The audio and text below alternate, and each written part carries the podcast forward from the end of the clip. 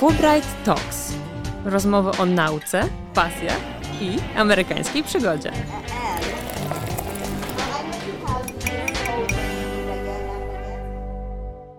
Cześć, moją gościnią jest Magdalena Leszko, doktor nauk społecznych, psycholożka, gerontolożka. Obecnie pracuje jako adiunkt na Uniwersytecie Szczecińskim i Bryn Mawr College. Współpracuje z licznymi badaczami z Polski i USA, prowadząc badania dotyczące poprawy jakości życia opiekunów nieformalnych, ale nie tylko. I zaraz o tym się dowiemy. Cześć Magda. Cześć Patrycja, bardzo dziękuję za zaproszenie. Bardzo się cieszę, że z nami jesteś. No właśnie, powiedz, gdzie w ogóle teraz jesteś, bo widzimy, słyszymy się online, mogę powiedzieć. Tak, łączę się z Filadelfii. Jest u nas piękna pogoda dzisiaj. Wiem, że w Polsce jeszcze to jest taki początek wiosny.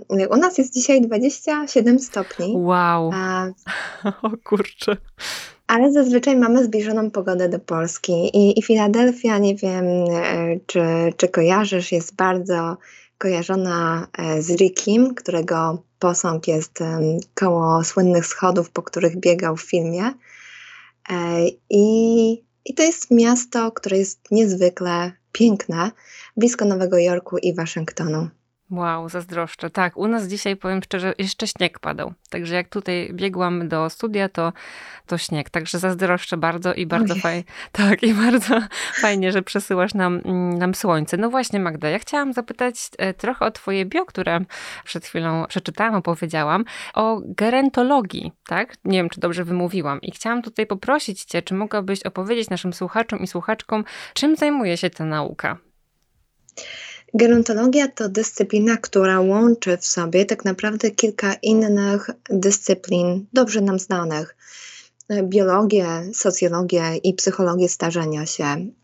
Moje działania naukowe, moje zainteresowania koncentrują się wokół funkcjonowania osób starszych i postanowiłam zająć się tą dyscypliną.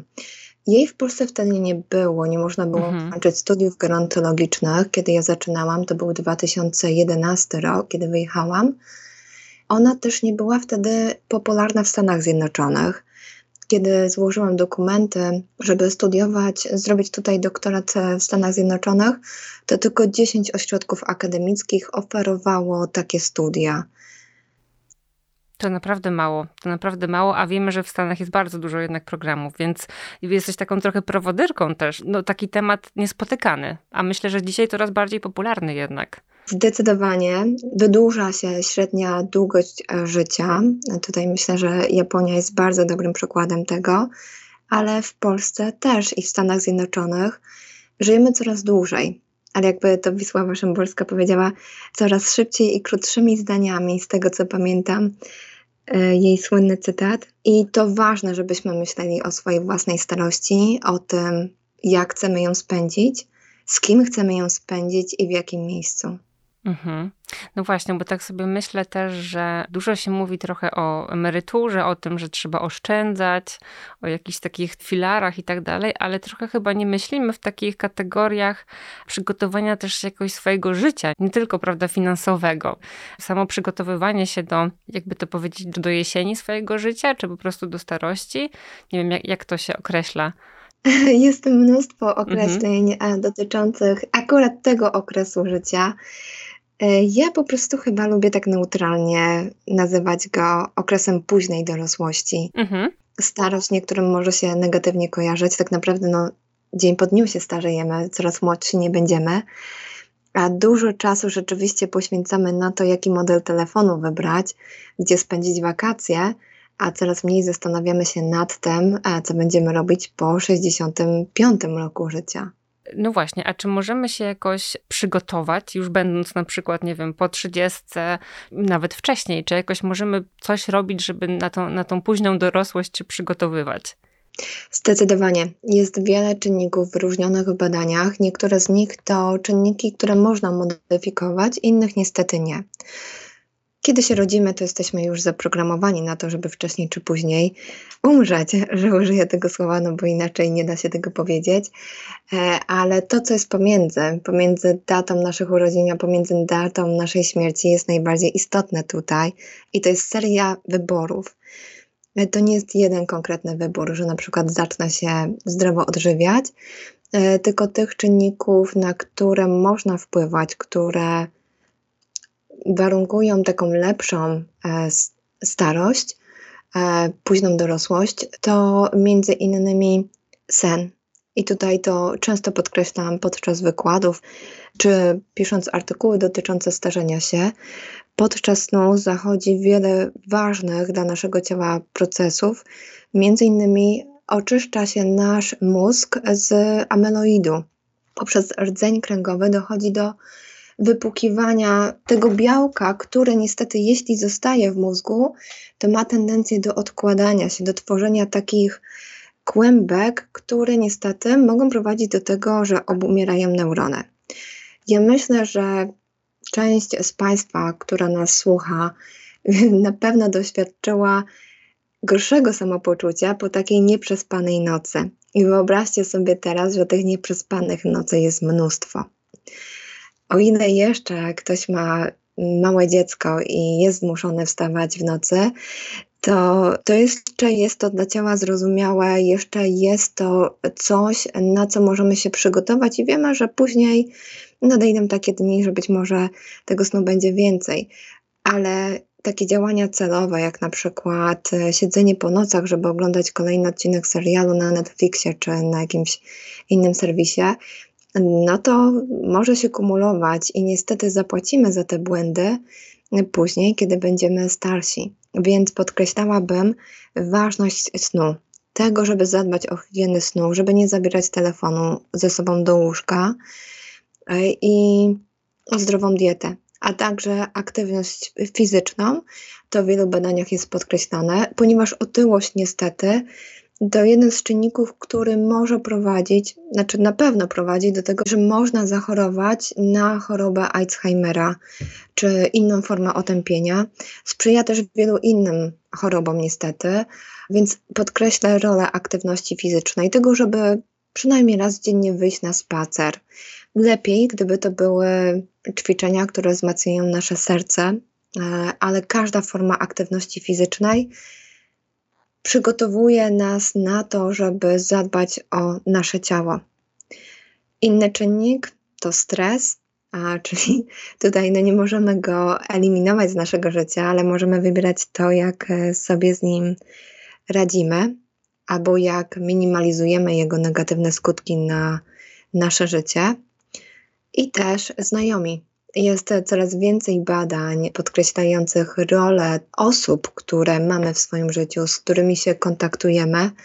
Jest nawet takie słynne powiedzenie, że jesteśmy sumą pięciu osób, z którymi spędzamy najwięcej czasu, ale tak naprawdę badania podkreślają, że jest to szersze pojęcie, że także znajomi naszych znajomych mają ogromny wpływ. I tutaj mogę, Patrycja, potem przesłać Ci niezwykle ciekawe badania pokazujące, jak zwiększają się szanse na to, że sięgniemy po papierosa, kiedy znajomi naszych znajomych też palą. Mhm. Dla mnie to było niesamowite odkrycie, bo to pokazuje, jak ważne jest to, z kim spędzamy dużo czasu. Niedawno się ukazała książka The Good Life.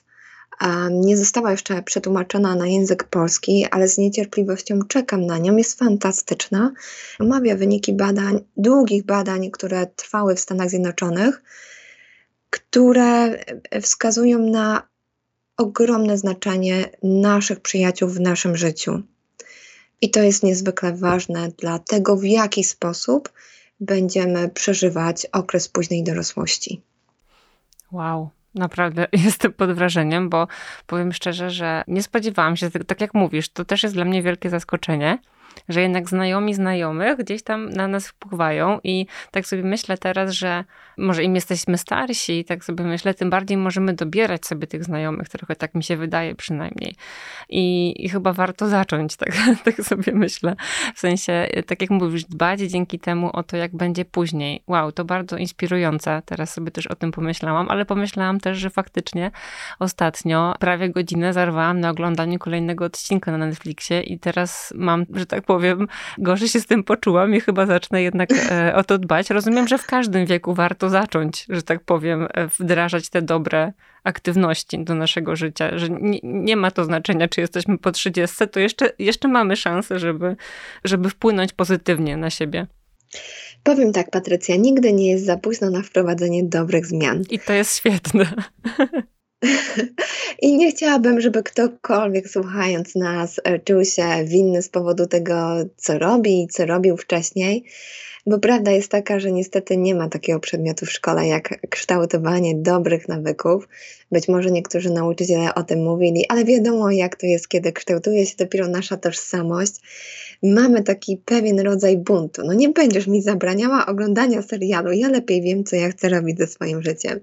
Dopiero później człowiek dochodzi do, do takich mm, wniosków, kurczę, może jednak lepiej, żebym się wyspała, bo widzimy sami po sobie, jak się czujemy. I, i to jest ważne, obserwować siebie, bo proszę Państwa, no, ciało nie kłamie, ciało nam powie prawdę. My możemy sobie mówić, aha, to tylko dla mojej przyjemności, albo e, świetnie się czuję, albo wypiję sobie jeszcze jedną kawę, ale tak naprawdę nasze ciało wcześniej czy później nam powie, no słuchaj, e, nie zadbałeś o mnie, czy nie zadbałaś o mnie te dwa tygodnie temu, albo pamiętasz jak wczoraj spałaś tylko dwie godziny, obiecałaś mi, że będziesz spała sześć albo osiem, i dzisiaj ci pokażę, prawda, to, co, to, co się będzie działo.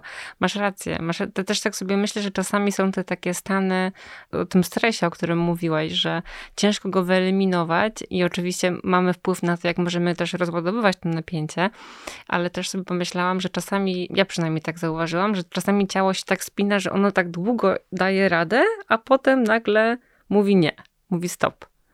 I, i teraz już, już, już, już koniec. Do, dokładnie tak jest. Mówi, zadbaj o mnie. Coś mi tutaj nie pasowało. To znaczy, ja zachęcam ludzi do tego, żeby wsłuchali się w to, co mhm. ciało mówi, bo my jakoś bagatelizujemy to. E, ja też chciałam uspokoić niektórych z Was, że my biologicznie jesteśmy przystosowani do tego, żeby radzić sobie z stresem. Takim ostrym, takim nagłym. Wiadomo, ciało się mobilizuje, przetrwa sytuację stresującą. Gorzej jednak, kiedy to jest chroniczny stres. To pozwolę sobie tutaj opowiedzieć pewną historię, którą często opowiadam swoim studentom podczas wykładu, e, ze względu na to, że pracuję z opiekunami osób chorych na chorobę Alzheimera. Zabieram ze sobą na wykład szklankę i trzymam ją na dłoni, pytając studentów, ile waży ta szklanka. I padają różne odpowiedzi mogłabyś powiedzieć, patrząc na mnie, trzymając, e, trzymającą szklankę, że przecież nie waży tak dużo. Zwykła szklanka. Nie powinno być to dla mnie obciążeniem, trzymając e, ją. I jeśli ja ją trzymam przez 5 minut, to ona nie będzie ważyła dla mnie dużo. Tak naprawdę to nie ma tak dużego znaczenia, ile waży ta szklanka. Większe znaczenie ma to, jak długo ją trzymam. Ona po godzinie stanie się dla mnie niezwykle ciężka. I podobnie jest z osobami, które na co dzień zmagają się z takim drobnym stresem. Praca, ilość maili, na które muszę odpowiedzieć, pytania, które zadaje mi podopieczny, sto razy o to samo pyta na przykład. Te drobne rzeczy się kumulują i one sprawiają, że ja je dźwigam dzień po dniu, bez przerwy, i wtedy stają się niezwykle trudne. Co innego, gdybym miała jeden taki gorszy dzień, że naprawdę muszę się, jestem zestresowana, muszę odpowiedzieć na tak wiele wiadomości. Sesja jest dobrym przykładem dla mnie mhm. w styczniu czy, czy w czerwcu, no bo to też na nas wykładowców wpływa, jakby nie patrzeć. Ale to jest tylko kilka tygodni w skali roku, więc dam radę to przeżyć. Jeśli miałabym tak tydzień po tygodniu, myślę, że poskutkowało to pewnymi zaburzeniami wynikającymi ze stresu, chronicznego stresu. Mhm.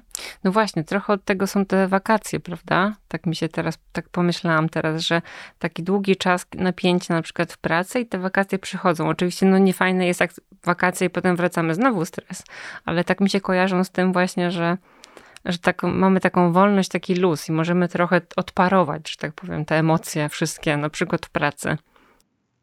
O, jak mi się podoba to słowo, które użyłaś, odparować. Tak, dokładnie tak.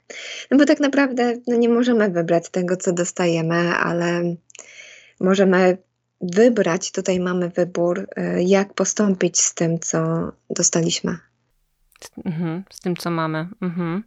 No, tak. właśnie, no właśnie, wiem, że też stworzyłaś Akademię Seniora. I przejrzałam sobie materiały, które były bardzo ciekawe dla mnie. E, wcześniej się nie spotkałam właśnie z, z takimi informacjami. Bardzo mi się spodobały, zaczęłam się wczytywać. I skąd ta idea w ogóle u ciebie powstała? Tak z ciekawości. Zawstydziłam się teraz troszeczkę, wiesz co, Patrycja, bo ja większość materiałów przeniosłam już na formę nagrań, które umieszczam Jasne. na YouTubie. Okej, okay. dobrze wiedzieć. To słuchajcie, to pamiętajcie o tym, że są na YouTubie. Mhm. Bo przyznam szczerze, że, że blog założyłam e, w 2014 i muszę go aktualizować. Dawno nie zajrzałam do tych materiałów, a, a przez to, że wyjechałam do Stanów Zjednoczonych, ja myślę, że to wiele osób, które mieszka w tym kraju już e, co najmniej kilka lat, doświadczyło tego, że zaczynamy robić kalki językowe. Ja też się na tym złapałam. Także ja obiecuję sobie cały czas, że jak tylko będą wakacje, to wrócę do tych artykułów, które tam umieściłam i je poprawię. E, uaktualnię je, no bo jakby nie patrzeć w psychologii, w gerontologii, no ta wiedza ulega, jak w innych dyscyplinach zresztą też, deaktualizacji. E, większość tych informacji nadal jest oczywiście ważna i ja miałam taki pomysł e, wiele lat temu, kiedy żyła jeszcze moja babcia, która otrzymała diagnozę choroby Alzheimera, że chciałam stworzyć grupę wsparcia i zrobiłam to. Ona dosyć prężnie działa i jestem pod niesamowitym wrażeniem, jak opiekunowie wzajemnie sobie pomagają. I równolegle do tego chciałam postawić na działania psychoedukacyjne, czyli pisać o otępieniu w taki jasny, zrozumiały sposób dla osób, które tej wiedzy poszukują, bo jest wiele mitów, jeśli chodzi o chorobę Alzheimera, na czym ona tak naprawdę jest. Jeszcze wciąż pokutuje ten mit, że to jest proces związany z naturalnym starzeniem się, a to nie jest prawda. To, że zaczynamy zapominać, że zaczynamy e, mieć problemy z takim funkcjonowaniem poznawczym, to jest oznaka tego, że coś w mózgu dzieje się nie tak i jak najszybciej trzeba dotrzeć do przyczyny. Takie zdrowe, pomyślne starzenie się nie jest związane z tym, że dużo gorzej funkcjonujemy. Oczywiście zmiany biologiczne mają wpływ na to i czymś naturalnym jest to, że wolniej wykonujemy pewne czynności, ale choroba Alzheimera jest chorobą neurodegeneracyjną i jest związana z szeregiem różnych objawów, więc walczę z tym mitem i zachęcam ludzi do regularnych badań, żeby kontrolować to, co może być przyczyną, bo czasami przyczyny są y, płache. To może być niedobór witaminy B12, to mogą być jakieś inne zaburzenia i im szybciej włączymy leczenie, tym lepiej. Więc to było takim celem, który przyświecał y, moim działaniom, to, żeby stawiać na psychoedukację, bo jeśli mamy wiedzę, to też czujemy się bardziej kompetentni w danej dziedzinie. Gorzej, jeśli ta diagnoza, a często tak jest, spadnie na ciebie jak grom z jasnego nieba i nie wiesz, co masz robić. Więc dobrze jest mieć miejsce, w którym niektóre rzeczy będą wyjaśniane. I bardzo miło było mi, kiedy mm, ktoś e, napisał taki komentarz, że cieszę się, że mówię na tematy, które są rzadko poruszane, jak na przykład e, niewłaściwe zachowania seksualne w przebiegu różnych chorób, czy oskarżenia o kradzież, bo z tym opiekunowie też sobie niestety muszą radzić. Mhm. No, wyobraź sobie, że nagle zostałaś oskarżona przez swoją mamę, że coś ukradłaś. Mhm. Ludzie się wtedy odsuwają często od tej osoby, bo na przykład nie ma jeszcze innych objawów, które by wskazywały na to, że coś jest nie tak. I, i ta osoba nagle zostaje sama, bez pomocy. A to nie jest tak, że ona celowo robi ci na złość. Po prostu mózg płata figle, że tak kolokwialnie się wyrażę, i uzupełnia brakujące informacje. Czyli byłaś ostatnią osobą, która była u mnie w domu, zginął mi portfel, więc no, czymś zrozumiałym jest to, że zaczynam kojarzyć utratę czegoś z tobą, a tak naprawdę okazało się, że schowałam go do lodówki, no bo to jest jeden z objawów na przykład choroby. Mhm. Jasne, no to musi być trudne. Super, że mówisz o tym właśnie, że, że, że rozumiem, że jest taka grupa opiekunów, którzy się wspierają, tak? Tak, ta grupa mhm. jest na Facebooku. Nazywa się Otępienie Grupa Wsparcia dla Opiekunów. Tam organizujemy webinary dla opiekunów, na przykład o tym, jak radzić sobie z oddarzynami.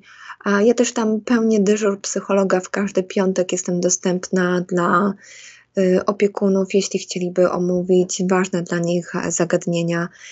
To taka forma mojego wolontariatu, kiedy y, właśnie w piątki Staram się pomóc jak tylko mogę osobom, które są naprawdę w trudnej sytuacji. Pomyślałam sobie teraz o tym, że wcześniej, wcześniej tak się nad tym zastanawiałam, ale też przeglądałam gdzieś tam różne oferty i jakichś szkół czy, czy kursów i zauważyłam, że sporo kursów pojawia się właśnie opieki osób starszych takich właśnie, jakby, jakby nie wiem jaki jest program, bo nigdy jakoś tam e, w to, w to nie wchodziłam, ale zauważyłam, że jest to coraz bardziej popularne. Tak jak mówisz, chyba nasze, nasze też społeczeństwo się starzeje, prawda? Jest, jakby jest mniej młodych ludzi niż starszych e, i te, też sobie myślę, że to będzie bardzo ważny temat, to o czym, to, to to, czym się zajmujesz, tak? Że będzie więcej potrzebnych osób do opieki nad osobami starszymi, no bo jednak nasi rodzice czy, czy dziadkowie tej opieki będą potrzebować i, i faktycznie masz rację, że takich profesjonalnych informacji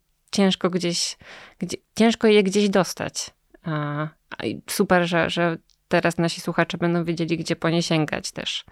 Dziękuję Ci bardzo. Tak, to jest, no żyjemy w takiej dobie, gdzie tych informacji na niektóre tematy może być bardzo dużo, ale tutaj umiejętność, jaką jest krytyczne myślenie i odpowiednia selekcja tych materiałów też jest niezwykle ważna, bo ja się spotykam niestety jako psycholog z wieloma artykułami czy materiałami, które niestety powodują większą krzywdę niż tak naprawdę pomoc, więc na to chciałam uczulić słuchaczy, żeby rozsądnie mm, dobierać um, źródła, z których korzystamy. No to jest trudne, um, zdaję sobie z tego sprawę. I tak jak powiedziałaś, tych osób starszych będzie coraz więcej. Niedługo dojdziemy do tego, że w populacji polskiej 20% y, osób będą stanowiły osoby po 65 roku życia, a to jest niezwykle zróżnicowana populacja. Jeszcze jedna rzecz, zauważ, że kiedy ty będziesz miała 65 lat, czy ja będę miała 65 lat, to nasze mamy będą miały po 80 parę. Więc tak naprawdę będziemy wrzucone w ten sam worek mhm. osób starszych. To Ale prawda. jest ogromna różnica między tymi pokoleniami, więc a, to jest niesamowite, bo o ile jeszcze, y, kiedy rozwijają się dzieci, to jest wiele takich umiejętności, które nabywa się mniej więcej w tym samym czasie. Natomiast starzenie się, ten okres późnej dorosłości, y, jest niezwykle zróżnicowany, bo on jest efektem tych wszystkich wyborów, które my robiliśmy w ciągu życia. Są niesamowite badania, które porównują bliźnięta, gdzie jedna osoba paliła, druga nie i możesz zobaczyć, jak inaczej, mimo podobieństwa fizycznego, wyglądają ich twarze, jak inne jest ich zdrowie fizyczne. To jest e, coś niesamowitego, pokazującego nam, dającego taki twardy dowód na to, że zobaczcie, to, co robicie ze swoim życiem, jest niezwykle ważne i wcześniej czy później pokaże się poprzez funkcjonowanie waszego ciała. Wow, to, to myślę, że bardzo otwiera oczy też tak, bo na co dzień tego nie widzimy, prawda? Też nawet tej twarzy, która nam się zmienia trochę. Jak zobaczymy stare zdjęcia, to pewnie tak, ale myślę sobie, że też nie dostrzegamy tych zmian takich na co dzień, tak jak mówisz, więc myślę, że, że to niesamowite tak dostrzec coś um, totalnie z boku, tym bardziej jak ktoś, jak, jak, są bliźnięta, które są bardzo podobne, masz rację. Wow, tak. to, to, to myślę, że może bardzo otworzyć, e, otworzyć oczy. E, dzięki wielkie za to. A chciałam trochę tak przejść do, do, do ciebie bardziej, że tak powiem, do... Mm, do tego, e, trochę do Twojej historii, tego też, jak, jak, jak doszłaś do tego, gdzie jesteś dzisiaj. I tak chciałam może zacząć od tego w ogóle, jak, to, jak Ci się to udaje? Czy Ty się wysypiasz? Czy masz chwilę na oddech? Bo wiem, że jesteś bardzo aktywna, jeszcze właśnie mówisz o wolontariacie.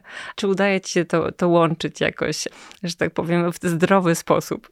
Czy w zdrowe? Wiesz co, myślę, że nie wiem, czy to ja mogę ocenić.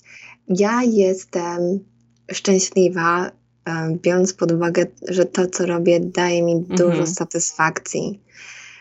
E, I sukces jest definiowany na różny sposób, w zależności od tego, co dla nas jest takim osiągnięciem marzeń, kiedy czujemy się szczęśliwi. Ja najbardziej szczęśliwa się czuję, kiedy wstaję rano i obok mnie leży mój kot. On mi daje dużo radości, on jest takim moim menadżerem dotyczącego, dotyczącym stresu. Wyprowadza mnie na spacery, tak się śmiejemy z tego. Ja myślę, że to jest bardzo ważne i wiele badań to też podkreśla, e, rola zwierząt w naszym życiu. I są oczywiście momenty bardzo trudne w moim życiu, e, gdzie myślę sobie, kurczę, najlepiej to wszystko rzucić, wyjechać w Bieszczady, ale są też takie, które pokazują mi, że jednak warto było. Staram się być dla siebie łagodnie, łagodna, znać ograniczenia swojego ciała, wiedzieć, kiedy powiedzieć nie, ale ja nie powiem ci teraz, że ja już się tego nauczyłam, ja się tego Jasne. uczę. Myślę, że, że to będzie taki proces trwający całe życie. Um, Przyjaciele dużo mi dają też takiej motywacji, radości, osoby, które do mnie piszą. I ja staram się tak sobie to układać w głowie, że jeśli chociaż mogłam jednej osobie pomóc, to, to było to bardzo dużo. Mam też wspaniałych studentów i oni są takim moim napędem do działania, bo ja się od nich dużo uczę. Ja też przez to, że pracuję z młodymi osobami, to czuję się góra, że mam 25 lat. E, wiadomo, jak kiedy patrzy się w dowód osobisty, to dostajesz taki, wiesz, urealniasz się w tym, że tak nie jest. Niemniej jednak e, praca nauczyciela akademickiego, praca z opiekunami i spędzanie czasu ze znajomymi, z rodziną, to są takie rzeczy, które, obszary, które są dla mnie bardzo ważne. I samo zdobywanie wiedzy, ten zawód psychologa, wiąże się z tym, że to jest nieustanny rozwój. Wiele innych zawodów zresztą też. E, więc to mi pomaga bardzo. Staram się dbać o, o sen, bo chociaż wiadomo, szef e, bez butów chodzi często. E, staram się też dbać o dietę mm, i cały czas próbować takich sposobów, które pozwalałyby mi funkcjonować lepiej właśnie, twoja historia trochę, też jesteś psycholożką, więc, e, więc skończyłaś studia psychologiczne i też trochę chciałam odnieść do twojej historii, e, do tego, gdzie studiowałaś w Polsce, bo wiem, że studiowałaś na Uniwersytecie Kazimierza Wielkiego w Bydgoszczy, prawda? Dobrze sprawdziłam. Zgadza się. Super. Mhm. I, tam, I tam studiowałaś, i ta, tam skończyłaś studia magisterskie. Tak, tam skończyłam studia magisterskie. Y, o specjalności psychologia kliniczna i bardzo chciałam pracować z osobami starszymi, ponieważ ja pochodzę z bardzo małej miejscowości, y, wsi.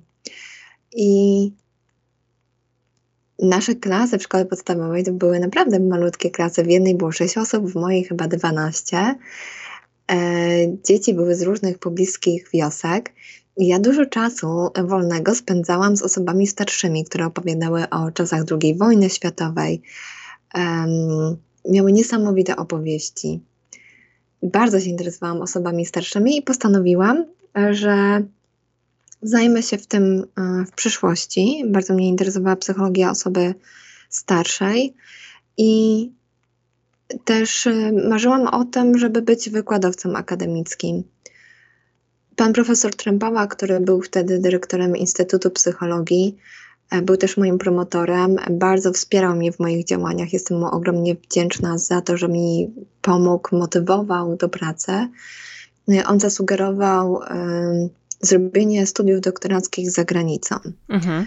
Ponieważ bałam się bardzo tego, ale złożyłam dokumenty e, i uzyskałam stypendium Fulbrighta, e, za co jestem ogromnie wdzięczna, że, że jestem stypendystką.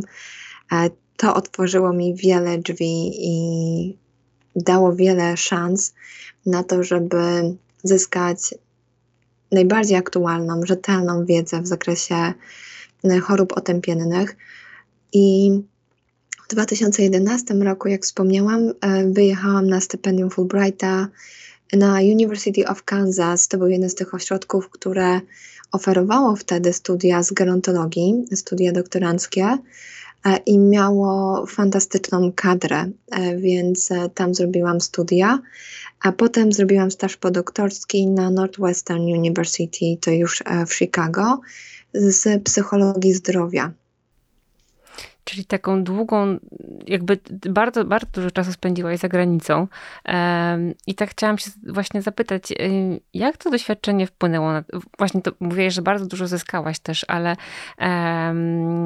ale jak wpłynęło na Twoje życie, czy, czy na Twoją karierę naukową?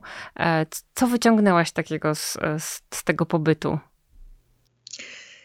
Myślę, że dla rozwoju mojej osobowości to był niezwykły czas, ponieważ uczysz się wtedy, że mimo tego, że jest trudno, to sobie poradzisz. E, uczysz się tego, że nawet jak zdarza się upadek, no to trzeba wstać. Kojarzy mi się takie e, powiedzenie, że przecież jak dziecko uczy się chodzić, to oczywiście no, te pierwsze kroki bywają trudne, przewraca się, ale żadne dziecko e, po przewróceniu nie powiedziało sobie, a myślę, że to chyba nie dla mnie, nie dam rady. E, ja miałam takie momenty, że kurczę, jest trudniej niż myślałam, e, nie, nie dam rady, nie poradzę sobie, bo jakby nie patrzeć, angielski nie jest przecież moim językiem takim którą ja władałam biegle, zanim wyjechałam do Stanów Zjednoczonych, więc to było naprawdę trudne na samym początku. I, i były takie momenty, które mi pokazywały, że muszę uwierzyć w siebie, bo nie ma innej opcji. Nauczyły mnie dyscypliny, tego, żeby ten wyjazd nauczył mnie dyscypliny, żeby organizować sobie odpowiednio zajęcia, Znajomości z ludźmi z całego świata były też niezwykle otwierające, bo ja się nauczyłam tyle o różnych kulturach, że to sprawiło, że jestem niezwykle tolerancyjna, znaczy tak o sobie myślę i biorę pod uwagę różne wyjaśnienia danych sytuacji. Bardzo często też o tym mówię na wykładzie. E, zwracam uwagę na rolę kultury w rozumieniu niektórych zjawisk, czy jak ona wpływa na nasze zachowanie, na nasze myślenie. Czasami nam pomaga, czasami nam utrudnia niektóre rzeczy. Także to jest niesamowite, że możesz uczyć się o wielu różnych krajach właśnie poprzez znajomość osób, z którymi studiujesz, które z tych krajów są. I to, że czuję się obywatelką nie jednego kraju, tylko wielu różnych. Oczywiście ja często podkreślam moją polskość, lubię opowiadać o Polsce podczas zajęć, które prowadzę tutaj w Stanach. E, taka dumna się czuję, że ja jestem z Polski i uwielbiam ten moment, kiedy po wykładzie ktoś pisze do mnie maila i mówi, że jego dziadkowie są na przykład z Polski, czy byli z Polski. To są takie fajne, fajne momenty. E, więc e, podsumowując twoje, odpowiedź na Twoje pytanie, ten wyjazd nauczył mnie dużej otwartości. Tego, że jeśli włożymy dużo wysiłku w osiągnięcie czegoś, to y, zwiększamy swoje szanse na to, że nam się uda. Jeśli nie, no to trzeba przekalibrować swoje działania. I dał mi też niesamowite przyjaźnie, które trwają do tej pory. Czyli same pozytywne rzeczy, ale fajnie też, że mówisz o tym, że czasami jest ciężko, że czasami przychodzą te, te trudne chwile. W mojej głowie właśnie jak o tym mówiłaś, to, to nawet jak zadawałam ci to pierwsze pytanie, to moim kolejnym było to, co, co było dla ciebie trudne w tej drodze. I właśnie opowiedziałaś o tym, że, że były takie momenty, kiedy, kiedy było ciężko, kiedy trzeba jakby zmienić, dopasowywać się do nowych sytuacji. A też chciałam cię, ciebie trochę zapytać, bo powiedziałaś o tym, że właśnie pochodzisz z małej miejscowości, gdzie w klasie było 12 osób albo 6 i zastanawiałam się, czy jak, jakby, jakbyś miała, nie wiem, komuś z też, z też takiej mniejszej miejscowości, jakąś taką, po powiedzieć coś, e, jakąś taką radę albo, nie wiem, słowa, słowa otuchy, jak, żeby do, do tych marzeń dążyć, bo trochę też staramy się do takich osób e, docierać, też z programem Fulbrighta na przykład i zastanawiałam się właśnie, czy, czy miałabyś może jakąś taką radę, którą warto takim osobom dać. Obawiam się, że nie ma takiej jednej. Ja myślę, że, pomyślałam sobie o kilku e, Jasne. takich radach, które mogłabym e, udzielić. I zacznę od tego, z czym ostatnio się spotkałam jako ambasadorka programu Fulbrighta, e, kiedy prowadziłam spotkanie i jedna z osób do mnie podeszła i powiedziała: A to nie dla mnie, ja nie jestem wystarczająco zdolna, czy nie mam tylu osiągnięć. I tutaj bym chciała już ten mit wyprostować, bo i myślę, y, popraw mnie proszę, jeśli się mylę, ale Fulbright jest dla osób, które żyją z pewnego rodzaju pasją. Tak, które. Mhm. A nie osób, które mają same piątki, najwyższą średnią. Oczywiście to jest ważne, kiedy, i to się często przekłada, pasja na to, że chętnie się uczymy, ale nie oszukujmy się, na studiach mamy przedmioty, które interesują nas bardziej, interesują nas mniej. Ale pasja jest czymś, e, co napędza cię do działania. I takiej osobie z małej miejscowości, poradziłabym, żeby uczyła się jak najwięcej angielskiego, bo jednak to otwiera wiele możliwości, no i ułatwia nam życie, bo mm, jakby nie patrzeć, mnóstwo badań jednak jest publikowanych w tym języku. Mamy też e, większe szanse na to, żeby dotrzeć do interesujących nas materiałów i zawrzeć interesujące znajomości. Także język angielski, rozwój w tym kierunku, ale też pasja i to, żeby się nie poddawać. To, że jestem z małej miejscowości, nie oznacza, że um, nie mam. Czasami te możliwości są ograniczone, oczywiście, ale to nie jest tak, że coś jest nie dla mnie wtedy. Um, ja jestem chyba najlepszym dowodem tego, że wychowując się takiej małej miejscowości, mając rodziców, gdzie moja mama jest nauczycielką, tata był rolnikiem i, i ja nie mogłam sobie pozwolić na jakieś dodatkowe korepetycje e, czy zajęcia pozaszkolne, to właśnie poprzez determinację, poprzez taką ogromną chęć wyrwania się z tego środowiska, to mnie motywowało do tego, żeby starać się bardziej i szukać różnych opcji. Oczywiście tutaj to nie jest tak, że ja do wszystkiego doszłam sama. To, że wyjechałam, jest e, też zasługą osób, które mnie wspierały w tych, tych działaniach, które nie krytykowały, a raczej zastanawiały się, jak można, mm, można mi pomóc. I to jest właśnie trudne, być może być trudne dla niektórych osób, kiedy mówimy głośno o naszych marzeniach, o planach, a słyszymy, a daj spokój, to nie dla ciebie. Albo nawet ktoś się śmieje, myślisz, że tobie się uda, myślisz, że kim ty jesteś. Proszę takich osób nie słuchać. To trochę tak, jakbyśmy mieli założyć słuchawki. E, I to jest taki po prostu, będą gadać, bo oczywiście będą gadać, takich osób zdarzy się mnóstwo e, na naszej drodze. Oby jak najmniej tego Wam życzę ale słuchajcie się mm, w to, co Wam mówi serce, co mówi Wasza pasja i dajcie sobie szansę, bo Fulbright jest e, takim stypendium, które jest rozpoznawalne w wielu krajach jako jedno z najbardziej prestiżowych. Więc ja poczułam ogromną różnicę w tym, jak byłam traktowana w Stanach Zjednoczonych, czy też w innych krajach, kiedy przedstawiam się jako stypendystka Fulbrighta. Więc e, zachęcam, naprawdę warto. Super, wielkie dzięki. Myślę, że no właśnie, żeby, żeby nie myśleć o tym, że, że nam się nie uda, że, że nie wiem, to nie ma sensu, bo też, też właśnie dla mnie jest też taki mm, jakby super jakby doświadczeniem tego, że czasami dużo pracuję z kandydatami samymi na, na stypendia i kandydatkami i jakby po jakimś czasie się z nimi spotykam i osiągnęli naprawdę, na przykład właśnie dostali się na stypendium, wyjechali, wrócili.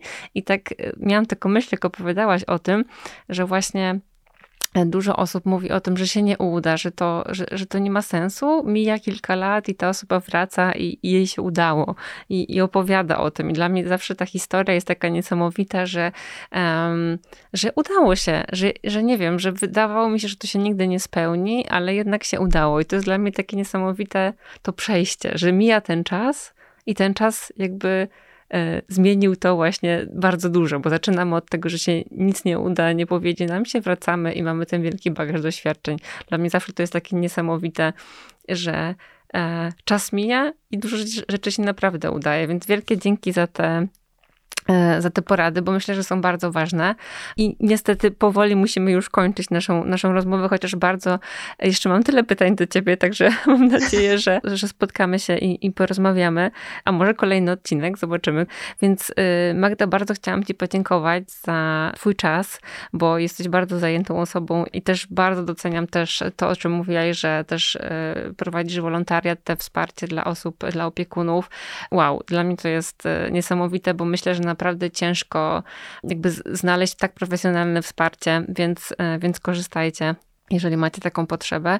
Jeszcze raz Ci bardzo dziękuję i chyba życzę nam wszystkim, też Tobie, żebyśmy w tą naszą późną dorosłość weszli jak najlepiej i też jak najlepiej ją spędzali. Zdrowo, e, w szczęściu i otoczeni bliskimi, tak jak mówisz, że to jest też bardzo ważne. Także chyba tego nam życzę. Piękne życzenia, ja się pod nimi podpisuję. E, z uśmiechem na twarzy przejdźmy przez całe nasze życie, nie tylko późną dorosłość. I nawet jak są momenty trudniejsze, to musimy wiedzieć, że mm, najciemniejsza godzina jest, jest przed wschodem słońca, a ten czas i tak przeminie i, i nadejdą lepsze dni. Dokładnie. Dziękuję bardzo. Dzięki. Dziękuję. To był podcast Fulbright Talks. Jeśli też chcesz wyjechać na stypendium Fulbrighta, sprawdź naszą ofertę na www.fulbright.edu.pl. Pa pa!